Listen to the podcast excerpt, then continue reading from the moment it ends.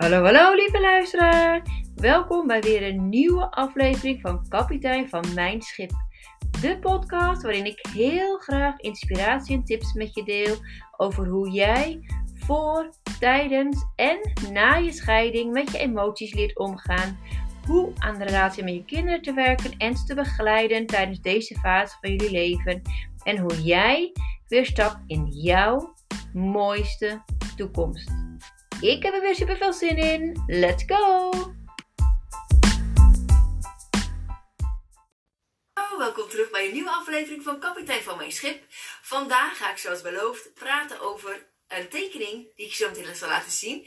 Hoe je je kind kunt uitleggen dat na een scheiding, al woon je niet meer in hetzelfde huis, ehm, van de andere ouder, als wonen jullie nu gescheiden in twee aparte huizen, dat het kind nog steeds weet dat het door beide ouders wordt geliefd. Dat is belangrijk voor een kind.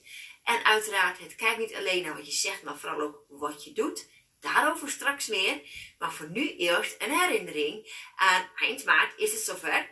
Dan is eindelijk de workshop uh, over ruimte voor emoties en grenzen aan gedrag. Waarin ik dieper inga, drie avonden van elke 2,5 uur over de emotie boos, bang en bedroefd.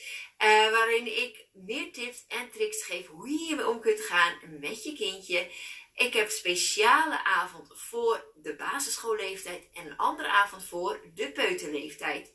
Twee verschillende uh, avonden om hier echt specifiek op in te gaan per leeftijdscategorie. Oké, dat was het voor nu. En dan ga ik nu weer verder met de tekening. Hier is hij dan. Tadaa! Voor degene die luistert op de podcast.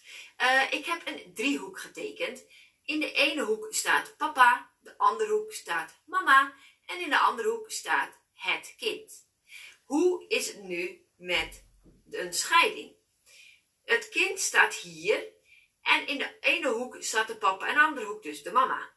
Nou, als het kind is gescheiden, als uh, de ouders zijn gescheiden, dan uh, is het kind, en dan is de papa en mama, die hebben, als het goed is, mag ik hopen, nog steeds respect voor elkaar.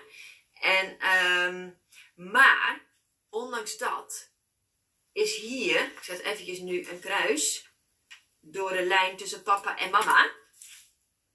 Want die gaan nu in een apart huis wonen. Want het is beter voor hun om in een gescheiden huis verder te leven.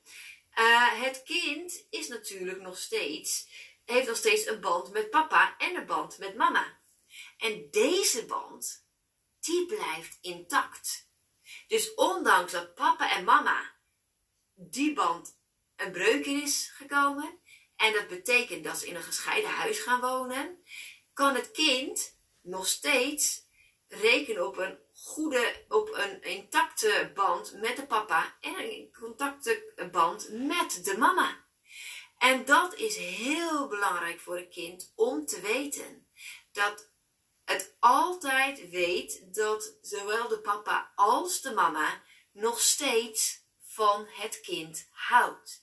En hoe doe je dat dan nu als ouder nadat je dit hebt uitgelegd met je kind? Kan je natuurlijk een gesprek aangaan met je kind. Wat kunnen wij doen om ervoor te zorgen dat wij weer een leuke tijd hebben? Of dat wij weer aan onze band gaan werken? Wat vind je leuk om te doen? Dat je de agenda pakt en dat je dingen gaat plannen samen met je kind. Dat je, het hoeft niet geld te kosten, jongens. En denk al heel snel, ja, dan moeten we gelijk naar de Efteling. Dat hoeft niet. Dat kan en dat mag. Maar dat hoeft niet. Dat we samen een spelletje gaan doen. Of dat we samen iemand anders gaan helpen. Of wat de liefdestaal van je kind ook is. Daarover meer in een hele andere aflevering natuurlijk. um, in een van de vorige afleveringen heb ik daarover gehad. Over de liefdestaal van kinderen. In ieder geval, Kijk naar wat je kindje leuk vindt en zorg dat jij bouwt aan de relatie met jouw kind. Want dat is jouw verantwoordelijkheid. Nu je in gescheiden huizen leeft, ben jij niet meer verantwoordelijk voor de relatie tussen het kind en de andere ouder. Het is jouw, jouw relatie met jullie kind die voor jou, die, die ligt binnen jouw verantwoordelijkheidssfeer. De andere ouder, daar, dat is niet meer jouw verantwoordelijkheid. Dus kijk als kapitein van jouw schip dan ook niet om naar wat de andere ouder wel of niet doet. Kijk vooral naar je eigen koers. Hou koers naar waar jij naartoe wil. Wil jij aan de band werken met jouw kind? Zorg ervoor dat jij alles doet wat in jouw macht ligt om daar aan te werken. Zodat het kindje niet alleen hoort, maar vooral ook ziet en voelt dat er oprecht heel veel van wordt gehouden. Ook al sleven we jullie nu in twee aparte huizen. Oké, dit was het voor vandaag. Ik hoop dat je je geïnspireerd voelt. Duimpjes omhoog als je het uh, interessant vond. En um, dit was het voor vandaag. Ik spreek je na het weekend. Doei doei!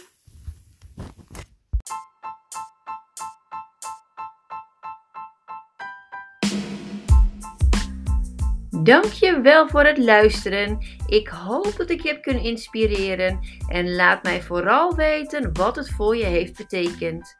Mocht je de podcast waardevol en interessant hebben gevonden, deel hem dan alsjeblieft. En voor alle gratis content zou je dan alsjeblieft één dingetje willen doen en dat is mijn podcast een review geven op Spotify, dat ik beter bereikbaar ben voor anderen. Alvast super bedankt voor je hulp en tot de volgende keer.